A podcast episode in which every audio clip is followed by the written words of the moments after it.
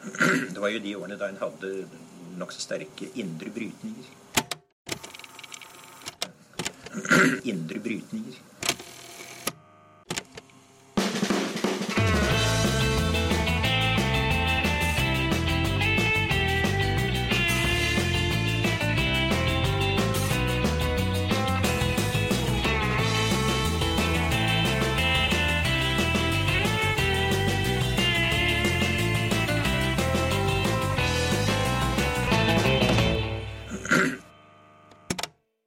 Velkommen til Noen har snakket sammen. Mitt navn er Tiril Rustan Halvorsen. Og jeg heter Aksel Fjellavli. Godt nyttår. Ja, godt nytt år. Hva har skjedd med stemmen? Ja, det høres ut som jeg har hatt eh, som nyttårsforsett å jeg vet ikke, være på fylla hele januar eller røyke 3000 sigaretter. Men, Motsatt av alle andre. ja. men eh, jeg har rett og slett bare blitt forkjøla, så uh, får Ja. håpe stemmen holder. Shit happens when you party naked. ja. Jeg vet ikke helt. Stemmen er i hvert fall litt rusten, så det må jeg bare beklage. ja, det skal vi sikkert eh, klare. Mm. Eh, men vi får besøk av eh, et byråd i dag. Eh, byråd for miljø og samferdsel i Oslo, Lan Marie Berg. Ja, for Oslo har jo fått prisen som Europas miljøhovedstad i, i 2019, så det er jo litt stas. Det må vi snakke om. Det må vi snakke om.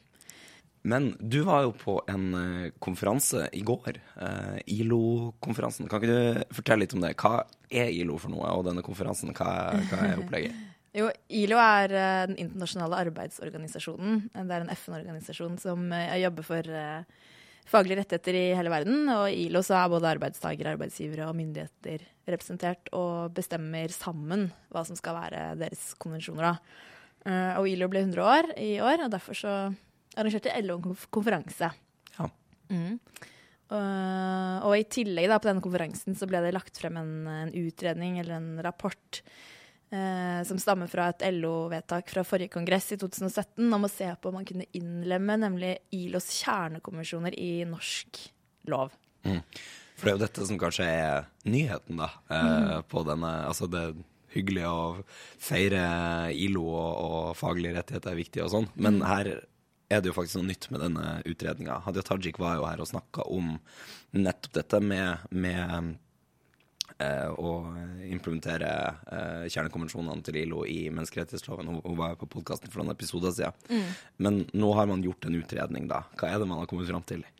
Ja, og, og Hadia var jo her og snakket om det i forbindelse med EØS, og at EØS-rett og arbeidstakerrettigheter noen ganger kan komme i konflikt.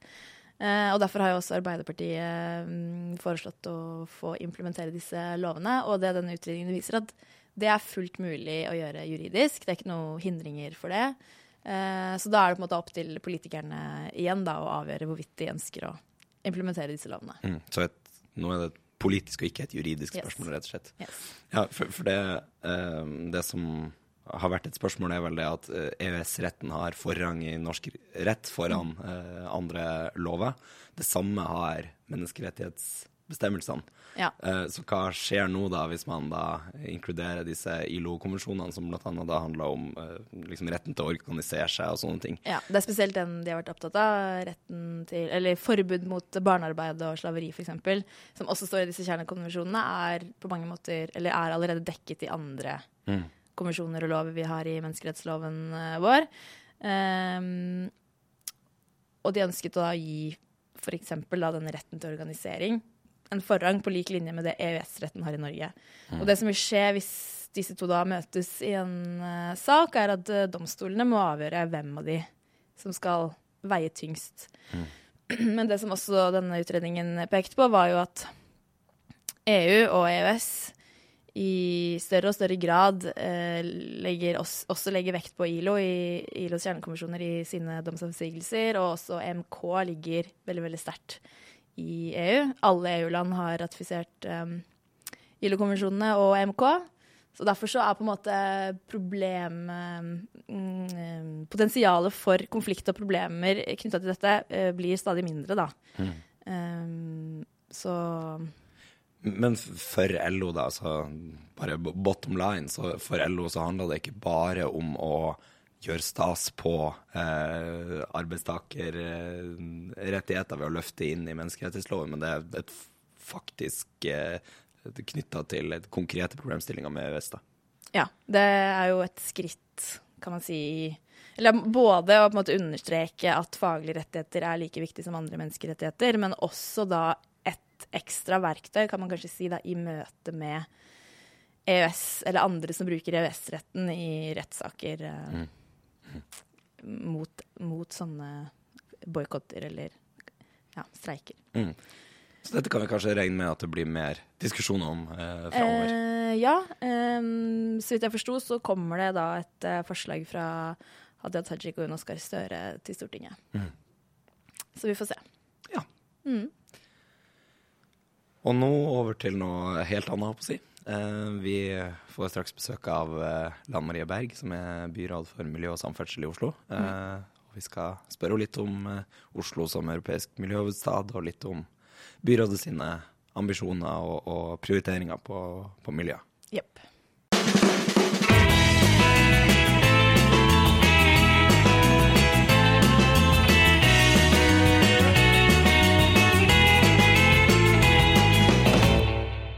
Ja, da har vi fått eh, byråd for miljø og samferdsel, Ann Marie Berg fra Miljøpartiet De Grønne, i studio. Velkommen hit. Tusen takk, veldig hyggelig å være her. Grunnen til at du er her, er jo fordi Oslo har blitt kåret av EU til Europas miljøhovedstad. Ja, og til tross for at vi ikke er med i EU engang. Ja, ikke sant? Det er litt morsomt. Jeg sier litt, da. Men gratulerer uh, uansett. Det må jo være stas. Det har vært åpnings, åpningsarrangementer denne uka. Ja, det har vært eh, utrolig stas. På fredag så hadde vi den høytidelige åpningsseremonien, der hvor EU-kommissæren eh, var, og vi fikk overrekt prisen fra Nijmegen i Nederland, som var miljøhovedstad i 2018. Ja. Det er en fysisk pris også, eller hva? Ja, det var vel en eh, Eller man kan si en slags stafettpinne, da, kan Ja. man si. Så stafettpinnen er egentlig at man blar over en side i en bok som de har laget da med pop-up-bilder av okay. de ulike miljøhovedstedene. her. Så da har Oslo fått sitt eget.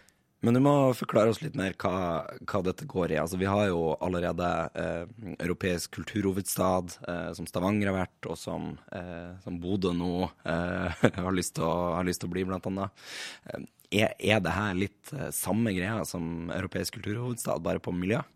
Jeg tror det kan sammenlignes med europeisk kulturhovedstad. Um, det er på en måte europamesterskap i miljø som vi har vunnet.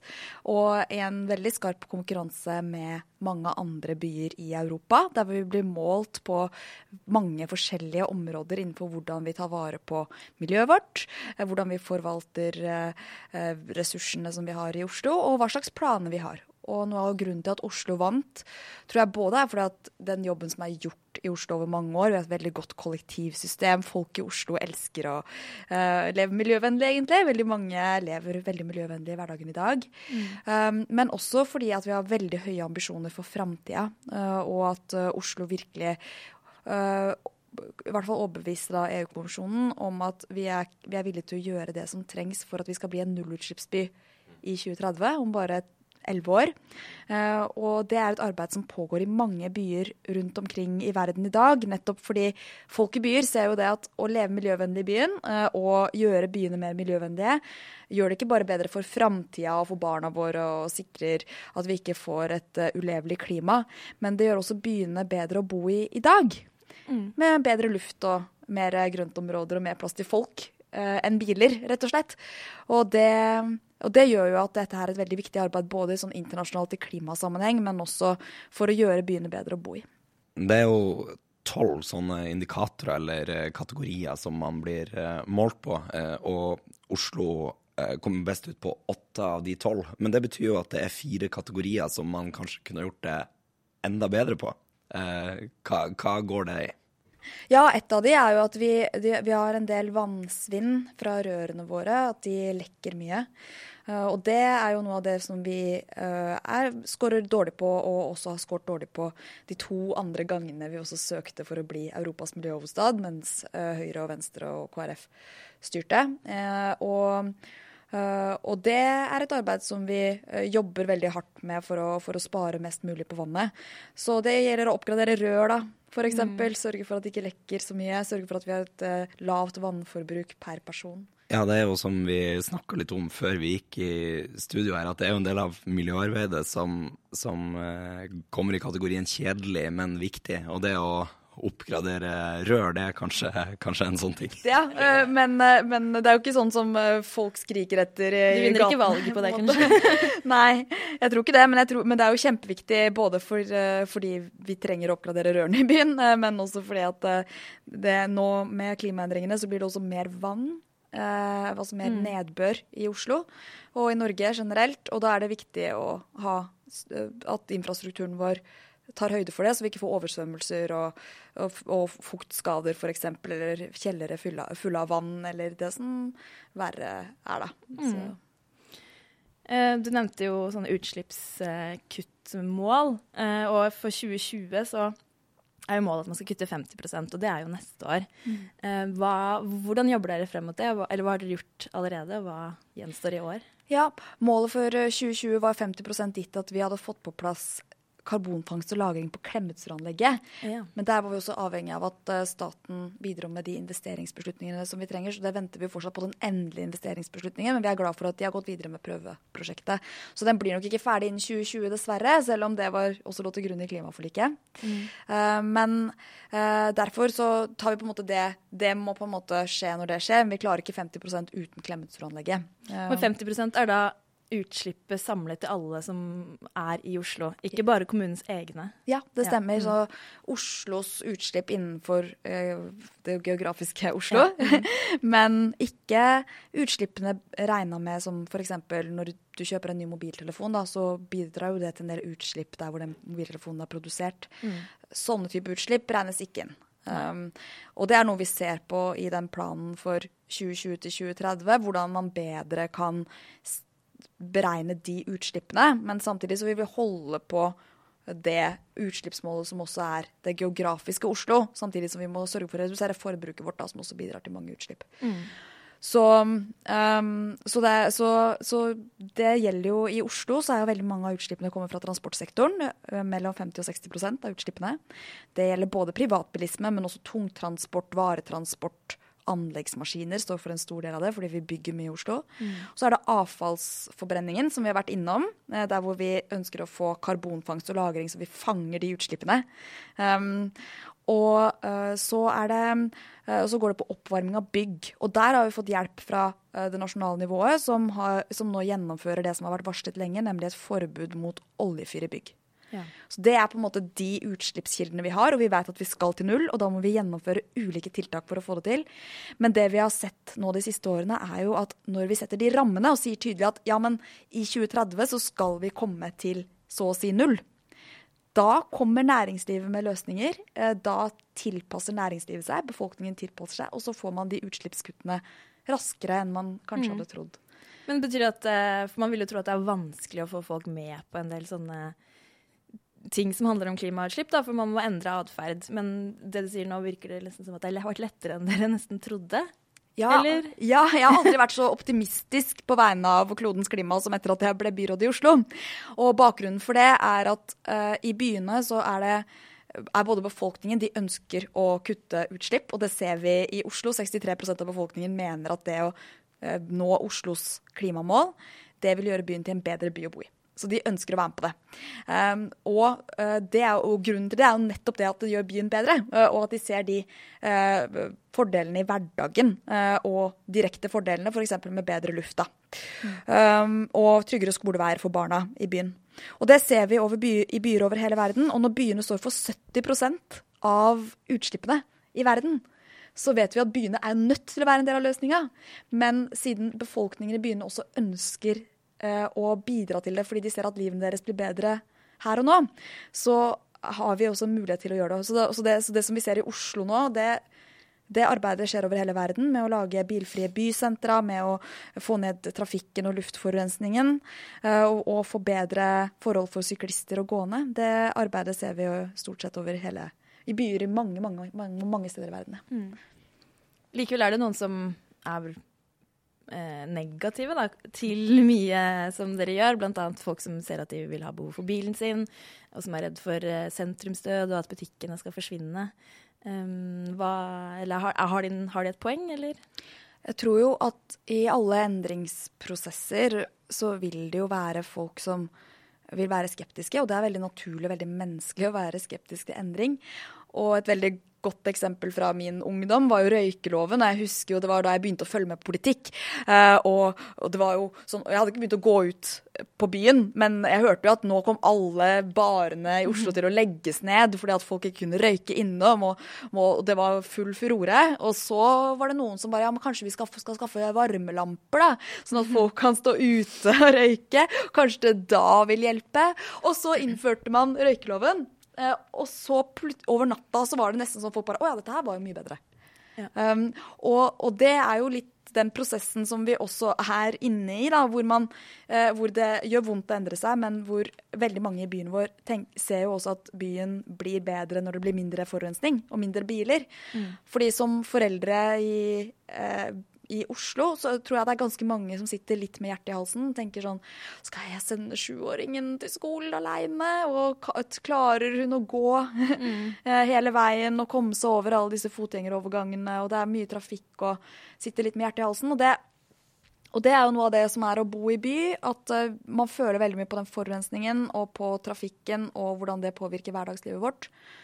Og de fleste i Eh, og det, det, tror jeg også er noe av grunnen til at veldig mange mennesker i Oslo eh, syns at den utviklingen er bra. Og også flere, flere enn de som stemte på flertallet i Oslo, ønsker den, mm. den utviklingen. Da. Mm. Og bilfritt betyr vel heller ikke null biler, for det vil jo være taxier og varetransport og og sånne ting. Ja, ikke sant. Og det er jo noe av det som er når, uh, i endringsprosesser òg, tror jeg. At det blir fort veldig steile fronter og veldig mye myteskapning rundt hva det er man egentlig skal få til. Mm. Men vi skriver jo veldig tydelig i byrådserklæringen at når vi skal ha bilfritt sentrum innenfor Ringen, så skal vi ta hensyn til varetransport. Vi skal ta hensyn til de som uh, har uh, nedsatt funksjonsevne, f.eks. Og det jobber vi jo med hele veien. Og vi vet jo også at selv om Altså det er mange som De aller fleste som handler i sentrum, de kommer ikke til sentrum med bil, fordi det er veldig upraktisk. Mm. um, og, og, derfor så ønsker vi jo at vi skal gjøre sentrum til et attraktivt sted å være. Og mange av de tiltakene ser vi jo at har en effekt. Det er flere som er, går rundt i sentrum nå enn det var før. Og mange beveger seg til fots, kanskje på litt andre steder enn det de gjorde før. At det spres mer. Uh, og det er noe av det vi ønsker, nettopp at det skal være hyggelig å være i sentrum, sånn at vi får trukket enda flere folk dit.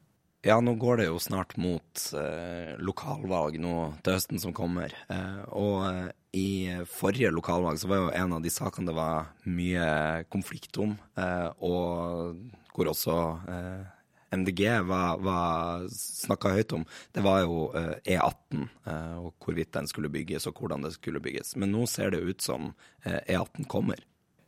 Ja, Nå får vi se, da. Ja. Fordi nå har jo regjeringen satt dette på pause. Um, og det er den siste utviklinga. For først så fikk jo vi gjennomslag for i Oslopakke 3-forhandlingene å nedskalere sånn at det ikke ble noen flere vei, altså bilfelt inn til Oslo. Og det var det viktige, for at eh, all forskning viser at flere felt bil, for biler blir jo flere biler. Logisk nok. Men, um, uh, men så overkjørte Stortinget oss.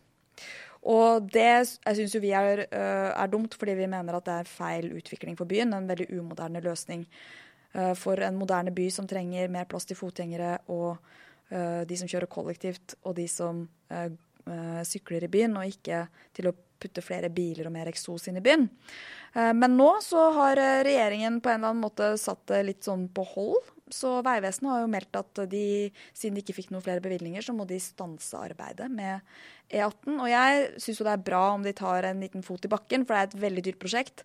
Det vil uh, skape liksom, bompengebonanza på E18. Bare med det første byggetrinnet, det er tre byggetrinn, så vil, um, så vil prisen mellom uh, Oslo og Bærum økes betraktelig for bilpendlerne. Men, så jeg tenker at E18 er opplagt er et uh, Det er jo en veldig viktig sak for miljøet i Oslo. Og i tillegg så ser vi jo veldig tydelig etter at dette byrådet kom på, at det er ikke til, altså Vi vet jo alle tiltakene vi må gjennomføre for å komme til null og for å klare å kutte klimagassutslippene og gjøre byen bedre. Men det krever mot å gjennomføre det fordi det innebærer endring. Og det har vi vært villige til å gjøre, og det er jeg veldig glad for. Men hvis velgerne vil fortsette å ha den endringen, så er det klart at da må de ikke stemme på de som ønsker å slippe bilene løs i byen igjen. Men er det noe, eller Hvilke saker er det som kommer til å være viktig for dere da frem mot valget? Det er klart at uh, Blant våre saker så er jo uh, noe av det som er viktig, er å fortsette sykkelsatsingen i Oslo. Vi har, uh, hadde så et hårete om å bygge 60 km med sykkelvei og sykkeltilrettelegging i byen. Vi er nå vi bygget, vi er, vi er i ferd med å nå det målet. vi har satt oss vi har over tidobla utbyggingen av sykkelvei Um, i forhold til gjennomsnittet sånn som det var før vi kom inn. Um, så det tror jeg folk merker i byen. Og så er det å sørge for at lufta blir rein. Mm. Uh, luftforurensningen i Oslo har jo til tider vært så høy at vi ble dømt i EFTA-domstolen for det. Um, fordi det var så helseskadelig. Det går utover barn, det går utover eldre. og sånn kan vi jo ikke ha det i byen vår, at vi må be barn og eldre om å holde seg inne når uh, luftforurensningen er for høy. Så nå har jo luftforurensningen gått betraktelig ned. Vi er i ferd med å på en måte ikke bryte loven lenger. Mm. Men hvis den utviklingen skal fortsette, så må vi jo fortsette å drive med en politikk som fører frem. Uh, og da er det, de, er det bilisme, Klemetsrud og fyring som er uh, de viktigste ja, den største kilden til luftforurensning i dag er jo, er jo veitrafikken. Og NOx-utslipp fra veitrafikken, så mange av de små dieselbilene f.eks. En del av de veldig gamle lastebilene. Uh, og så er det andre kilder, som f.eks. til svevestøv, så er det generell biltrafikk. og så er det, ikke sant, som du sier, ovner. Uh, altså å fyre riktig i peisen f.eks. Mm. Uh, sånne ting uh, som er viktig. Og, og, vi ligger på en måte i en gryte, og når det blir en spesiell værtype, spesielt på vinteren når det er kaldt, så, det, så er det fare for høy mm. luftforurensning, og da må vi gjøre alt det vi kan for å redusere kildene. Har bodd mange år i Bergen, så kjenner du på den svavellukta. Ja, ikke sant. Det er litt skummelt. Og så mm. er det skummelt å tenke på at, eh, at, det har så stor effekt på helsa vår. At det dør flere F.eks. av de sårbare gruppene, eldre eller folk med kroniske lungesykdommer f.eks. Dør for tidlig etter, etter, dager med høy luftforurensning. Mm. Det er veldig, veldig skummelt å tenke på. Jeg lurte på om du kunne si litt om hvordan dette klimabudsjettet dere setter opp, eh, fungerer. Det er litt sånn vanskelig å få liksom, grep på det. Ja, det skjønner jeg. Det er jo en måte å styre klimapolitikken like systematisk på som vi styrer pengepolitikken. Så sammen med pengebudsjettet i Oslo kommune så legger vi fram klimabudsjettet. Som viser hvor mye har, Oslo har lov til å slippe ut år for år. Så når vi da sier ikke sant, i 2019 så har Oslo kommune til sammen lov til å bruke så mye penger, f.eks. Så sier vi det samme. Uh, i, I 2019 så har Oslo kommune lov til å slippe ut så mye utslipp. Det, altså, dette er da bare det rent kommunale utslippet som Nei, det er, det er utslippene alt. i hele kommunen. Okay. um, og så er jo det fordelt inn på sektorer, så vi veit jo hvor de ulike utslippskildene kommer. Så det vi gjør i klimabudsjettet, det er jo å vise fram hvilke tiltak som må til for å kutte de utslippene. Hvordan de tiltakene er beregnet å kutte utslipp uh, i uh, i årene som kommer, og dermed vise hvor mange utslipp som, altså hvem som har ansvar for å kutte de utslippene. Så hvis man skal ta en parallell, da, så er det jo så er det en måte å sikre at det ikke bare er klimaministeren som har ansvar for å kutte utslipp, men også oljeministeren, samferdselsministeren, landbruksministeren um, f.eks., som har veldig mye av ansvaret for utslippene i Norge. Mm. Uh, så hvis man hadde hatt dette på nasjonalt nivå, så hadde man faktisk fått tatt tak i de viktigste utslippskildene og uh, ikke bare snakket om klima i festtaler, men faktisk gjennomført det som skal til for å kutte klimagassutslipp. Så, uh, så det er det vi gjør uh, i Oslo. Så da er, det, da er det tydelig i klimabudsjettet hvilke utslippskutt som de ulike etatene mine har ansvar for, hvilke utslippskutt som de ulike etatene og selskapene til uh, næringsbyrådene har ansvar for, hvilke tiltak som de andre byrådene har ansvar for. og, det, og så kan vi følge det opp i Eh, budsjettstyringen. Så hver gang eh, en virksomhet i kommunen rapporterer på hvor mye penger de har brukt i løpet av året, det gjør man tre ganger i kommunen, så må de rapportere på hvilke klimatiltak og hvordan det går med klimatiltakene som de skulle gjennomføre. Og Det gjør at vi får en systematikk i det eh, som vi ikke har hatt tidligere, og hvor alle har ansvar for sine utslippskutt. For å runde litt av, så Uh, tenkte jeg å spørre hva, hva, er det som skjer videre dette året? For det skal jo feires et helt år at uh, dere har vunnet denne kåringen. Ja. Uh, nå er det jo sånn at altså, det viktigste med Miljøhovedstadsåret er jo å sørge for at vi viser fram den miljøvennlige byen som Oslo er, og får, får, gjen, uh, utvikla de miljøtiltakene som vi trenger nettopp for at Oslo skal bli en nullutslippsby. Så det er jo det aller uh, viktigste. Uh, så, og så har vi jo i tillegg sant, 170 partnere. Organisasjoner, næringsliv, frivillige, som bidrar med ulike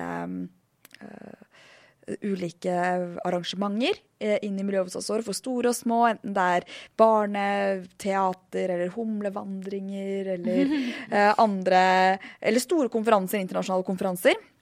Eh, så det vil være over 350 arrangementer. Og det er fortsatt mulig å melde inn arrangementer hvis man har lyst til å være en del av miljø- og fotsalgsåret. Du skal sikkert være med på veldig masse av dette, så jeg får bare ønske deg lykke til. Og tusen takk for at du kom hit. Jo, takk for meg.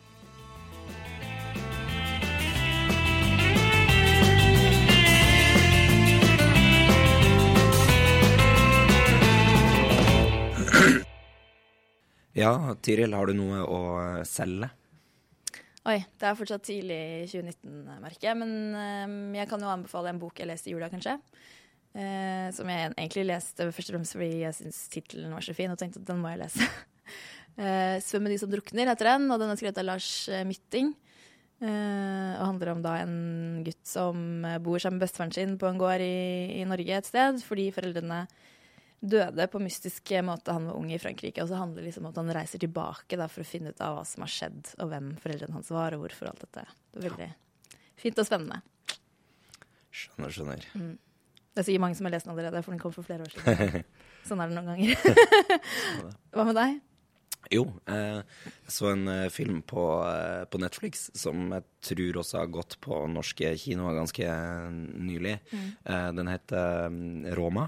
Uh, og den uh, handler om ei uh, dame som er ja, jeg kan kalle en slags tjener da, for en, en borgerskapsfamilie i, i, Mexico City, som blir gravid. og de, de komplikasjonene det medfører når hun er i en, en sånn si, tjenerrelasjon da, til, mm. til, den familien. Så det, det er både en, en veldig god beskrivelse av hvordan det er å være Eh, på en måte klassemarginalisert eh, i et sånt samfunn, men også hvordan man samtidig er marginalisert som kvinne. Mm. Eh, så får fram begge de to eh, tingene samtidig på en veldig god måte, syns jeg. Hvorfor heter den Roma, eller Roma? Ja, Det lurte jeg òg på, også etter jeg hadde sett filmen. Men eh, jeg googla det og fant ut at eh, Roma det er en, en bydel i, i, Mexico City. Ah. Så det kan hende det er noe symbolikk her som jeg ikke catcha helt. Men ja, Litt geografikunnskaper om Mexico, kanskje. ja. Uh, men er det den filmen hvor det er uh, en nordmann med? For det var et eller annet i forbindelse med ja, Golden Globe. Ja, ja, det var jo egentlig litt av grunnen til at jeg så den, var at jeg leste på VG-nett eller hvor det var, om at det skulle være en, en, som sang en norsk sang i den filmen. Og det var veldig ja. uh, Det bare kom plutselig. Men det var en gammel salme skrevet av Elias Blix Nordlands helt? Ja, den, den store høvdingen fra, høvdingen fra Sandornøy. Uh, så det var jo litt, uh, litt artig. Men, uh, mm. Men, god film sånn generelt, da. Ja. OK, da kom det to anbefalinger herfra. Og så må dere huske å abonnere på oss og like oss på Facebook og anbefale oss videre til en venn, så blir vi veldig glad. Ja, og hvis dere har tilbakemeldinger, så vil vi gjerne høre de. Ja. vi er alltid nysgjerrig på hvordan vi kan bli bedre, og hva som funka og ikke funka. Yep. Så vi høres neste uke.